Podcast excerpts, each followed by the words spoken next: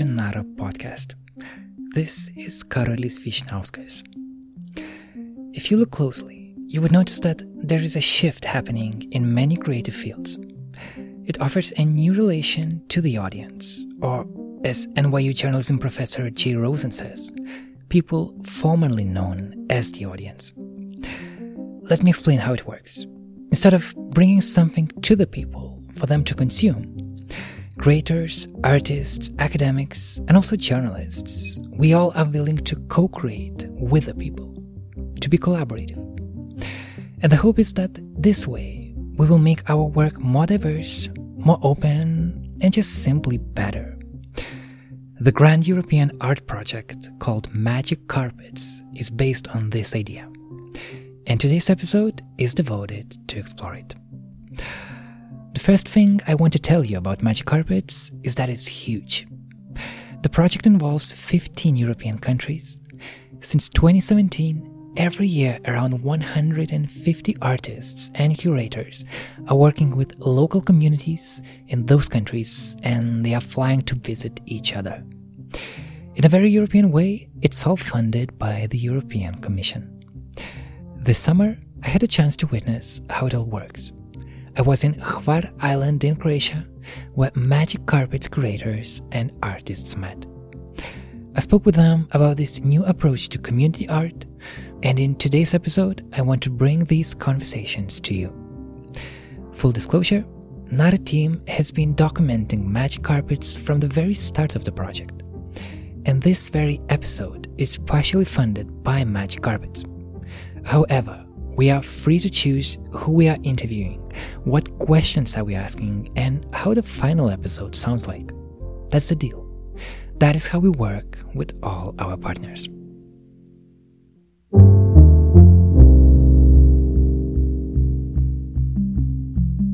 All right, let's meet our first artist and curator. Her name is Ki Han Pak. Hello, my name is Ki. I'm based in Berlin now. I'm originally coming from South Korea. I'm an artist and curator. Ki's doing a project in Moabiter Stadtgarten Park in Berlin, Germany. Her own art institution is based in the park. But why doesn't it interact with the people of the park as much as it could? That was the original question that Ki and her colleagues wanted to explore. Here is Ki in her own words. I decided to found a collective around the public park. We are um, six me and Nelle and Nadia, mm-hmm. and Adrian and Lars and Devin. So Nelle and Nadia, they were doing this project two years ago as their master's thesis. So they did this research on this park uh, looking close at the relationship between this public park and art institution because it's kind of interesting setup, you know, mm. like this art institution, which is some kind of somehow a bit also elite. Mm. And then hmm. it is in the public park in Moabit. And so the Nele and Nadia, they wanted to have a research on if there is some relationship or conflict, whatever kind of thing is happening between mm. this institution and and the boys who are hanging out in the park. Mm. And I found this project very interesting, and I always wanted to work with these guys, and that's why I invited them all together. This project also starts with um, acknowledging my own prejudice on certain group of people. For example, this when I called boys in the park, they were the boys who are not um, white German kids who are hanging in the park. They are all like having this migrational background, even even though they born and grew up in Berlin. Mm. This was all again then the reason why I wanted to work with them. Mm. But you also not a white German. no, no, no, I'm not. but I guess also this is the reason why I am doing this project. Mm. You know, it's again, it's going back to this point of, okay, which body is talking about which discourse. And I'm the one who has this question of, okay, why are we, I, why our audiences are limited, not always, but uh, mostly limited to certain age or certain generation of people with such certain um, level of education and so on and so on. And that's why I wanted to bring this voice as my co-producer to open up um, different fields, you know, different fields of interest, questions, what kind of program we could, they would like to have in within ZK/U. And So, as I understand, uh, there was this park. There is this park. There was your art institution, and uh, those boys were regular guests in the park, but they would never go to your arts institution. And you would want you wanted them to kind of connect your art world and their park world into one world. um, yes. And uh, what kind of art are you creating together? after I approached to them and when we had the first meeting, I was asking them, okay, I have this, this budget. This project is about working with community, with artists and curator. And I want to invite you to do this project with me. Um, but I want you to think of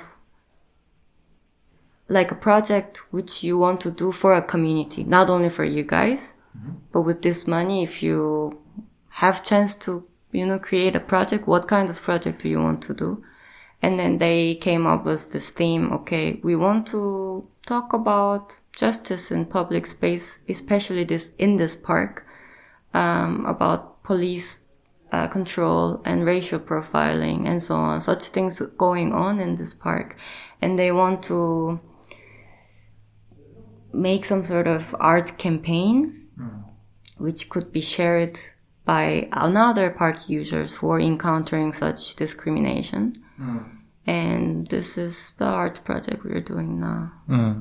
So the idea is that they, as uh, non-white Germans, they are being uh, they they are being uh, watched by police more closely than other people, and they they want to spotlight there that somehow, right?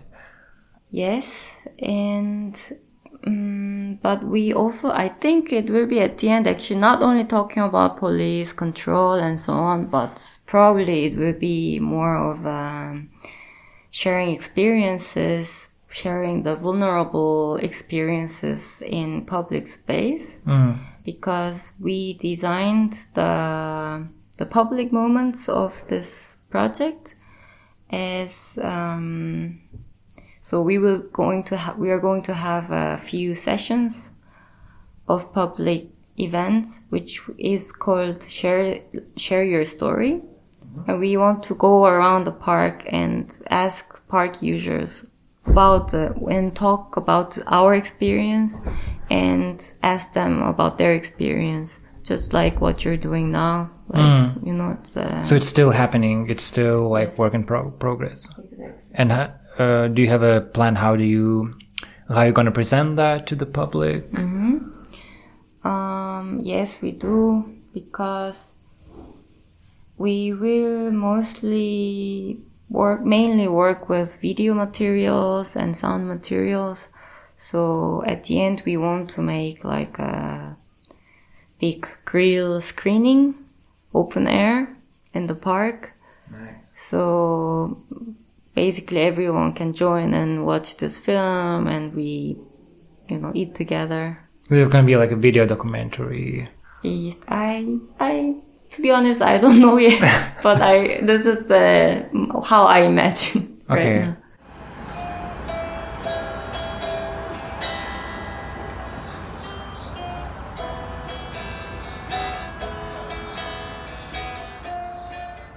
What you're hearing is a little recording of Keith team making music in Vessi Park in Berlin earlier this year.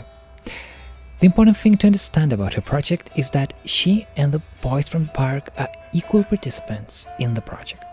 not only creatively, but also financially. Let's dig deeper into that.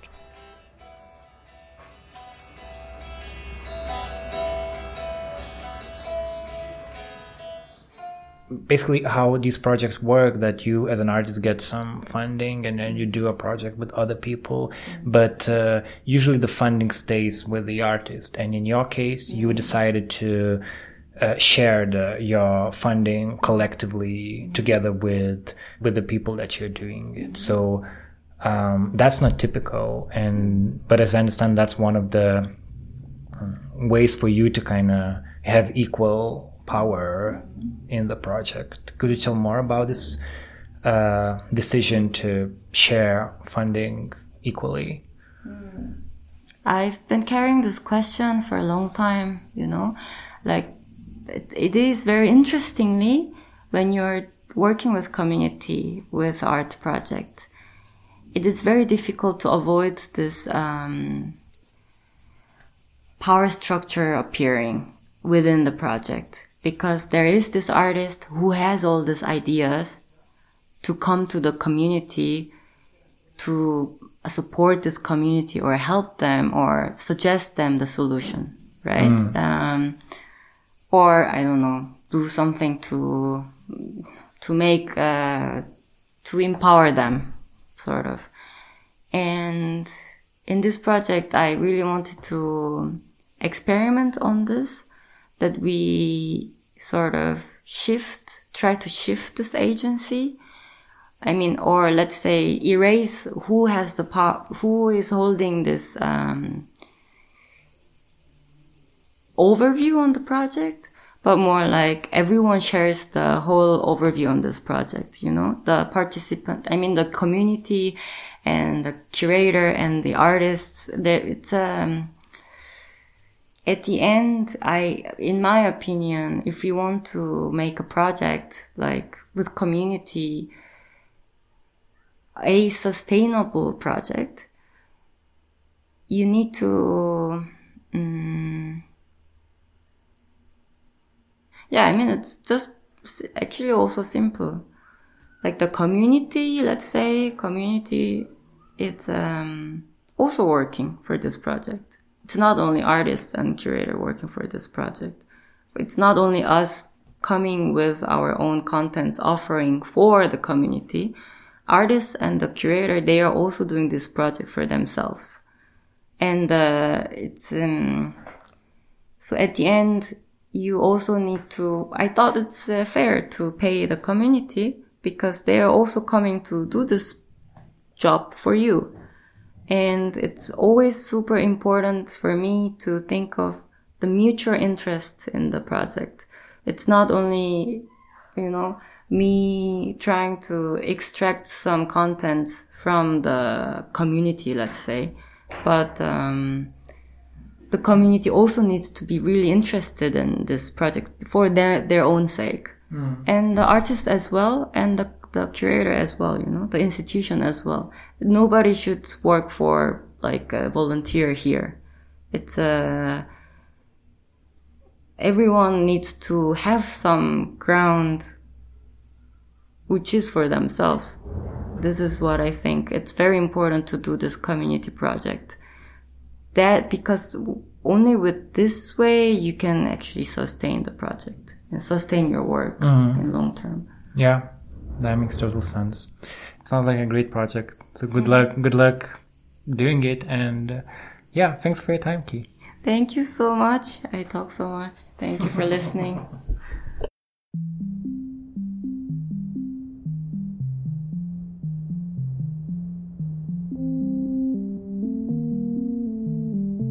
You can learn more about Kihan Pak's work at her profile at magiccarpets.com.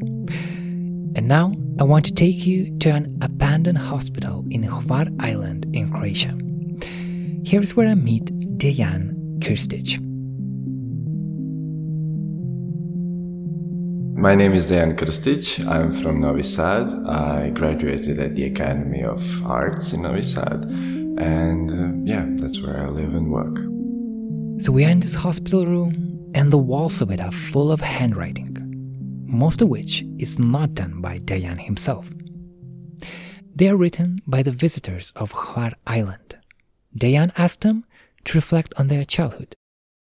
Some of them are really cute. Actually, the one that I most liked the most was one written by a child. She is like seven to ten years old. I can't really decipher. Uh, we were talking a little, and she was like, "I want to write something," and I'm like, "Yes, sure. What do you want?" She's like, "But uh, can I write about my cat?" And I'm like, "Yes, of course. What kind of cat?" And you know, I was trying to engage, but she wasn't really interested so much into talking. And then she took a pen and stood there for like 15 minutes just writing.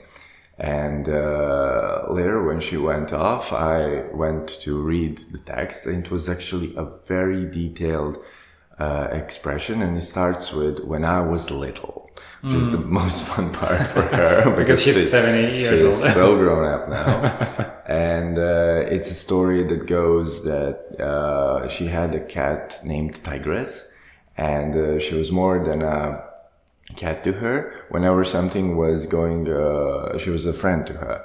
And uh, whenever something was wrong, she would go to her and cry to her, and she would comfort. Give uh, the cat would give her comfort. And someday the cat disappeared, and then she goes on talking about how her father and uh, her brother went on the field and found her dead. Oh. But before that, also the worst fear she had was for her cat to die, and she had dreams of this. Mm. So this eventually sadly happened and uh, then she would express like how dad even though he didn't like the cat he would feed her and take care of her how they all did miss her dearly and then she writes the last sentence dedicated to the cat and signs this. Uh, my name is and she writes her wow. name. And this was very like all of all of the text this had the most detail and descriptions. And uh, in the context of this work, it really brings this value of ch- children being very aware of their surrounding, being very mm. aware of the behaviors that are happening around them, and that we should not really take them for granted and just, you know, ah, this little child, yeah. what does it know? Mm. They really have all the capacity and tools to understand the surrounding, and we should really take care of that. Mm. And this place is open. I mean, you, you went always there. So I imagine the next morning you come here and you see some of the new writings. Yes, yes. even today when I came in, I, I, I just visually noticed that there is more uh, graphite on the wall. uh, so yeah, I always kind of go through and what I can read, I do because some of the writings I just can't decipher. Uh, but uh, drawing is also uh, when I was thinking about this project uh, with the uh, this is based this writing is based on unfinished sentences where people are actually in the therapy asked to project their own experiences in third person. For example a little maria would be crying when and da da da mm. and uh, you finish here it's in first person. I would i as a child i. So there is an instruction and uh, yeah whenever i come i just check for what's happening. And uh, yeah people are they see that there are some pencils. They see there is a paper. They read they realize and go on. But i was also thinking like how to implement a drawing because the drawing itself is very reminiscent for for children. Mm. and uh, i decided ultimately just to add the textual part. But as i can see drawings are appearing on their own. And there are like these stick stickman drawings. There are hearts. There's well the rest of the symbols uh, so on on its own, it's kind of organic way for it to develop. Yeah, I see. I see a big heart here. I see some YouTube YouTube yeah. logos. I see some rockets, some astronauts. I see a really huge penis. Yes, of course. I was just waiting for that to appear. It says when I was a child, uh, my ch- my childhood was, and then a huge drawing of a penis. Uh, well, I think that's also very reminiscent of how how uh, a child would express something. Some of the writings on the wall are very intimate, personal, and sometimes dramatic. Someone wrote about how he was molested as a child. This hospital is a very private place.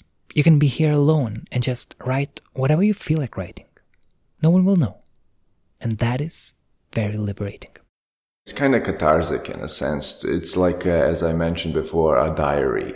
You, you just write it out and let it go. Uh, so yeah, there are some some experiences like I wish my dad wasn't there, or uh, I was molested. I wish my dad was there. Wasn't wasn't, Wasn't there, Yeah. okay. Uh, so there are these expressions. So there are like stories that are funny and goofy. There are uh, stories that are really touching, and there are also like quick notes, like you know what what I saw these like Ivana and Dimi in the Heart. You know the, the way we, we would you know express sympathy to someone by writing our names. Ivana plus this person one plus person two, and then you put it into a heart. So yeah, these things also happened organically uh, on their own. So yeah, there it's it's really kind of a sanctuary dedicated to, to childhood and uh, to children. And I really kind of like it. And it's all connected in a sense of the whole context of the Children Belgrade Resort, which is the, the, the place that I was researching and when, where, where from all of this started. Because uh, there I also, while I was exploring the place, which is now in ruin, and the only thing left is glass, uh, and stone, uh, and trash, um, I saw writings on the wall also, and some of them are very reminiscent to this. So yeah, Yeah, so this is uh, very different from um, the work that you do as a solo artist because as a solo artist you do these really realistic drawings and for some people they would say okay this is this is a true art. This is it, it requires skill. It's uh, it gives you some kind of aesthetic pleasure to look at your drawings uh, this, on the other hand, is completely different thing. It reminds me of what you can find in like in in a school somewhere in on uh, like on in a school uh, toilet, right? You, you can find these uh, drawings and writing. So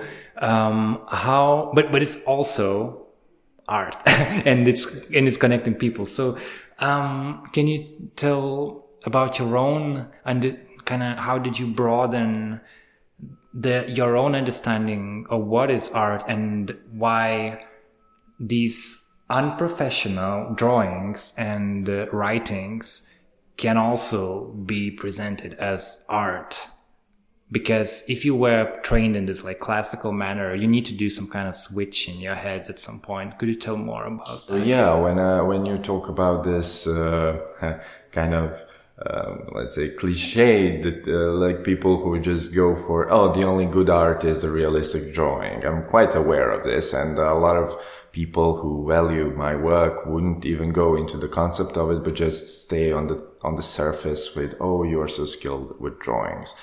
I can understand that and well who am i to judge? Uh, but um, for me, what it's most important is how this drawing uh, interacts with with uh, the viewer. And uh, in this case, I had an opportunity to step out of this like white cube passive uh, setup that I was doing so far and actually make an installation, which is uh, in a sense art for just in different medium. And these drawings are part of this active uh, call for participation from the observer. So therefore, they're like in the spirit, in the context of the art piece itself. I, uh, my, my part is still present with the instruction that I gave, but the, the, pu- the public now continues to add to it. Uh, so yeah, in that context, it keeps its own value. It, it has a context and, uh, yeah, it's considered art in a different kind of just medium and form. Mm, mm. And should not be judged like for, for values of, for a realistic drawing. I Yeah. every, every piece of medium has its own kind of way of how, if you talk about technical approaches, how you kind of value it and what, what do you look for. Mm. So in a way, everyone who uh, comes to your exhibition and decides to draw something or to write something, uh, that person becomes an artist in a way because he or she is a part of the exhibition. And what do you think? What do you, as an artist, and what we as visitors gain from allowing everyone to participate? Well, I think that the uh, the audience gain a very uh, different kind of experience, really. To first of all, there is a breach of this, like the artist and the observer. Like you come to see an exhibition and you feel like there is some magic that you're not allowed to touch, to interact with, to you know, you just observe subjectively. Uh, but with the participative work, you are an active observer in a sense. So it, I think it has more uh, different potentials for art to really impact the the person. Because I think if, uh, for an example, in this piece, if there was uh, um, this this whole uh, uh, reflecting on ch- childhood did leave people questioning about childhood in a manner that might not have been possible without this. If I just had the audio uh, installation with the uh, the installation part itself and the drawing, you know, uh, you would read the text. Maybe you would have a guided guided tour, and yeah, that would be it. But with this participative move, I had people really coming to me, uh, making comments about what they liked or didn't like about. Actually, it was just what they liked. uh, like I'm waiting on what did you don't like uh, about the exhibition, and they were kind of like, I I I have more. I have more things I want to write. Now, this really did spark uh, thought process in me. I want to come back and write more. And this is kind of like the the achievement that I look for when I when I do such projects. So yeah, in this context, this call for an audience, it has uh, meaning in that sense that you're an active participator and you literally take give something and take something uh, out of the whole setup. I asked Dejan to read some more of the writings by the people for his art project. We can read this one. Okay. Um, it's very funny. Uh, uh, kao malog čudilo me kako je neko mogao da zatrudni. Uh, verovao sam da je to jedino moguće ako se dvoje baš, baš vole. I ako stanemo jedno pored drugog, negde do 50 cm razdaljine, onda se njihova ljubav manifestuje u vidu deteta. Platonski. Plašio sam se da jedna devojka ne zatrudni ako joj priđem blizu, jer sam je mnogo voleo, ali nisam želeo biti tata. Okay. What was that? Uh, well, uh, there, this is a, a little story that says when I was little, uh, I was wondering how someone gets pregnant.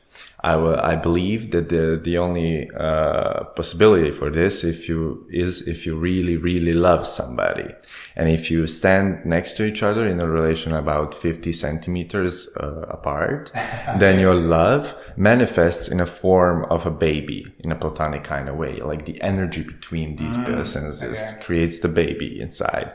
Uh, I was afraid uh, about uh, from from one girl for her not to get pregnant if I get near her because I really really like her, but I didn't want to be dad. Oh, Uh, so so he, he was standing uh, further than 50 centimeters. yes, and uh, somebody added to this. Uh, I still believe in this. Uh, but it still, uh, but it just doesn't work. so, yeah. Thanks, Dejan. Thank you.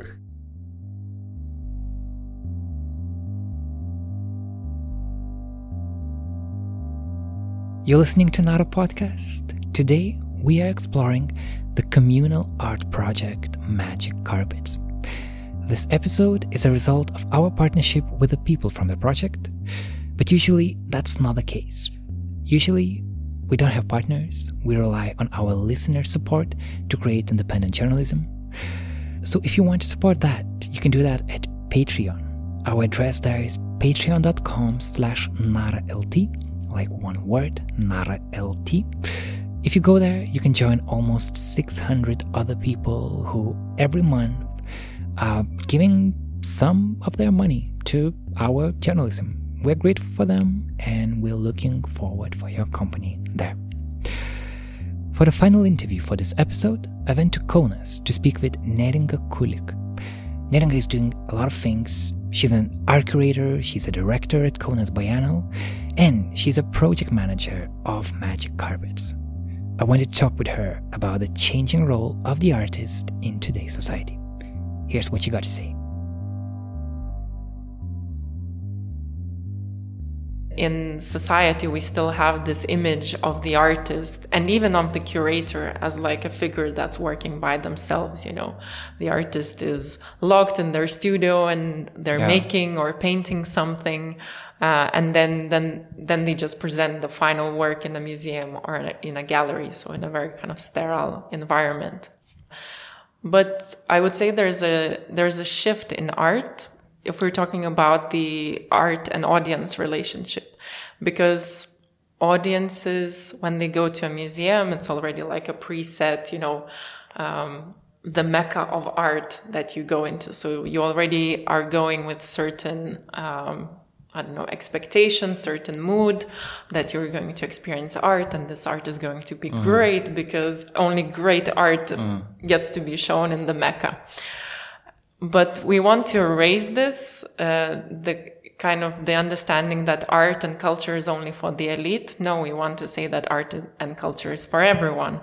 Uh, and anyone can be an artist and can be a creative uh, and can contribute to the creative process. Uh, and by creating to the uh, creative process, contribute to the change that can happen within the society. So we see art as a very social thing and this is something that uh, one of our consulting curators, Lewis Biggs, says is that art that is not socially engaged is not interesting for anyone. Art for art's sake is not interesting for anyone anymore. Now people want art to kind of affect them, to, you know, to touch them, to have some kind of emotion, uh, some kind of response to it. So, and the artists, of course, are trying to do that. So this socially orientated, socially responsible art uh, is what we try to uh, to do with magic carpets. And this is why we need the local communities to make this social art relevant and to make it um, yeah to make it kind of worthwhile the artists um, you know the time that they spend in creating uh, an artwork or a performance or installation. Mm. And can you give some examples of that throughout uh, these four years of Magic Carpets that um, you think that uh, uh, in in those cases you managed to to, to, to kind of succeed this vision?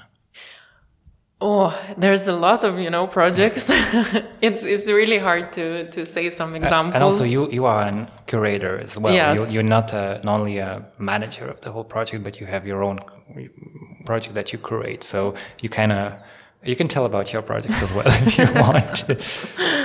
Actually, I would like to start with a project that was. Uh, done in the very first year by um, by the artist Mai Horn uh, in Croatia. Uh, she worked with um, a community of immigrants and really there was a lot of discussions a lot of dialogues between the artist and the community before she conceived the final uh, you know the final artwork the final result of her residency but uh, what i really liked about her residency was that she was very socially responsible towards the community as well. So she paid uh, all the participants like a wage, a small wage, um, because they were spending their time, you know, um, having discussions with her, showing her around the city. And these kind of discussions and tours that she had together with the community resulted uh, in this publication uh, um, that has a map of Zagreb and in the publication, you can find all the relevant information that if you are a, migrant in the city, mm. a new migrant in the city, you can pick up this booklet uh, and you find all the important things, you know, where's the uh, migration office, where you can get, you know, your papers sorted out, where you can buy certain types of uh, food uh, that, you know, that are from your region, for example. So I think this really kind of shows um, it, I think it brought to light how multicultural Zagreb is, but then it also made the city very welcome to the migrant community. Another uh, project uh, that uh, you know I, as a curator, um, together with local artists Mantas Stabačinskas and Vasara Visockaitė, uh, we did last uh, July uh, with the Center for People with Disabilities, CORIS. Um, and this idea was really suggested for me by Mantas, because with Kaunas Biennial, we made an open call last year for artists to suggest, you know, what kind of um, topics, themes they would like to work on, uh, what kind of communities they would like to include. Uh, so Mantas came forward with this idea to work with people with disabilities through uh, making these creative movement uh, laboratories. And then he invited Vasara to, to join him and for me, this project was successful on quite a few levels. Firstly, of course, you know, um, in Lithuania, we still have a very big stigma about the disabilities, um, people with disabilities that live in our society. Um, and I mean, during the Kaunas Biennial, uh, educational program, we also work a lot with uh, people who are socially excluded. Um, so I kind of see firsthand, for example, how unfriendly the city is for wheelchair users. Um, and I mean, even the new square uh, that we have in Kaunas, it's not the, that friendly for wheelchair users as well, but it's brand, like brand mm. new architecture. Uh, so there's still some uh, you know, miscommunication uh, between uh, the representatives from uh, the community and the you know, the municipality and the kind of governing bodies, let's say. So with Mantas and Vasara, uh, of course, we try to, by making the final presentation of their project in this Unity Square to kind of highlight that there's this part of the society that would like to participate, but they're excluded because of uh, their disability. On the other hand, I think the project really enabled the community to believe in, you know, that if you're a wheelchair user and you cannot move your legs, for example, but you can still move your head, you can still move your arms, your hands, and just kind of opening up their mind to uh, not limiting themselves to their disabilities. I know that people with disabilities, they don't tend to do that, but I think it's the people around mm. them uh, that tend to do that. So their carers, their uh, parents, their the social workers, they are the ones that are saying, "Oh no, no, you know he's in a wheelchair, so he mm. cannot dance, but he can move his hands, right? Mm. Yes, he can move his head. Yes, okay, so then he can dance." And I think it's this mentality, you know, of people being overprotective and not uh, not uh, kind of uh, letting uh, letting the person explore the world by themselves. So we try to kind of change that. And uh, I think uh, last kind of, and but not least uh, important thing that the project with Mantas and Vasara did is that we, or the dancers, uh, paid special attention to wheelchair users, um, especially for this reason that I mentioned, you know, um, to to enable them to believe that you know, a wheelchair is not a restriction to do something. Um, and I think this was very refreshing uh, for the community to have this understanding that I can mm. dance, you know, I can do this. So it's very nice. And final, final thought mm-hmm. is that the project included some uh, volunteers and dancers from other cities in Lithuania. So not just from Kaunas, but people came from Vilnius, they came from Mar- Marijampolė. So it was very nice to see the dance community come together as well and use this as a learning opportunity, uh, how to work with, uh, you know, communities, mm. how to work with uh, communities that have um, disabilities. Um, so I think this was a very good kind of uh, professional development for some of the dancers. What you're hearing now is the music from the dance project that Neringa Kulik just described.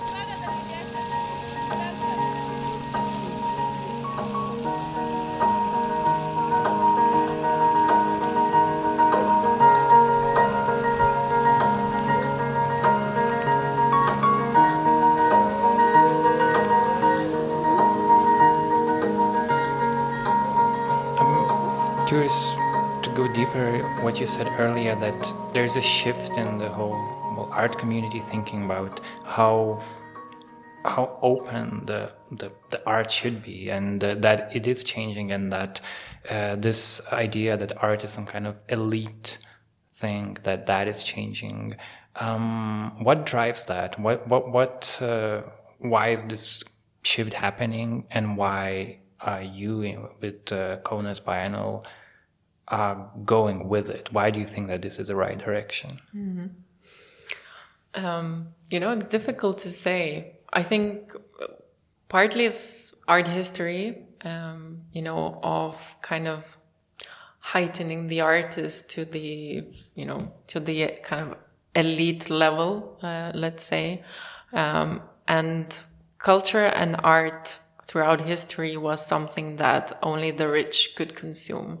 Um, but I think nowadays eh, it's important to make art and culture accessible to wider audiences, to, to the public, because art and culture as a tool uh, to change, you know, to change opinions, to change outlooks, to show different worldviews, uh, to change a person's feelings and understanding about a certain situation. I think uh, more and more it's becoming used kind of as a uh, a tool to do that, um, and I really congratulate actually that, and I like that. Um, that art actually serves a purpose. It's not its, its purpose is not be, to be decorative and to be beautiful, but the purpose is, you know, to change something, to react to something, uh, to make you think about something in a different way. Um, so I feel like the purpose of art and culture has gone from very kind of, let's say, shallow qualities to very kind of humanistic uh, qualities. Um, and I think it's important because, you know, as a culture worker, my main responsibility is the mediation between the artist and the audience. Um, and for me, the relationship that the audiences or the public have with art, it's really interesting to explore in what ways and why the public come to see certain shows or come to certain events, but they don't go to other events and what attracts them uh, to cultural events to come and see a particular artist or a particular performance or a particular, I don't know, sculpture. Um, and I feel like this judgment of beautiful or ugly or beautiful and not beautiful is uh, becoming erased now. Um, and I think that's good because uh, people uh, don't judge art by just what they see, but they understand that you need to go deeper. You need to look into the concept, into the ideas, what the artist wants to say, what they want to communicate, what is the message behind. Um, and I see that as my job. You know, mm. I have to help the audience to decode. I have to give them the key to unlock uh, this understanding about contemporary art. Thank you, Neringa. This was great. Thank you, Karolis.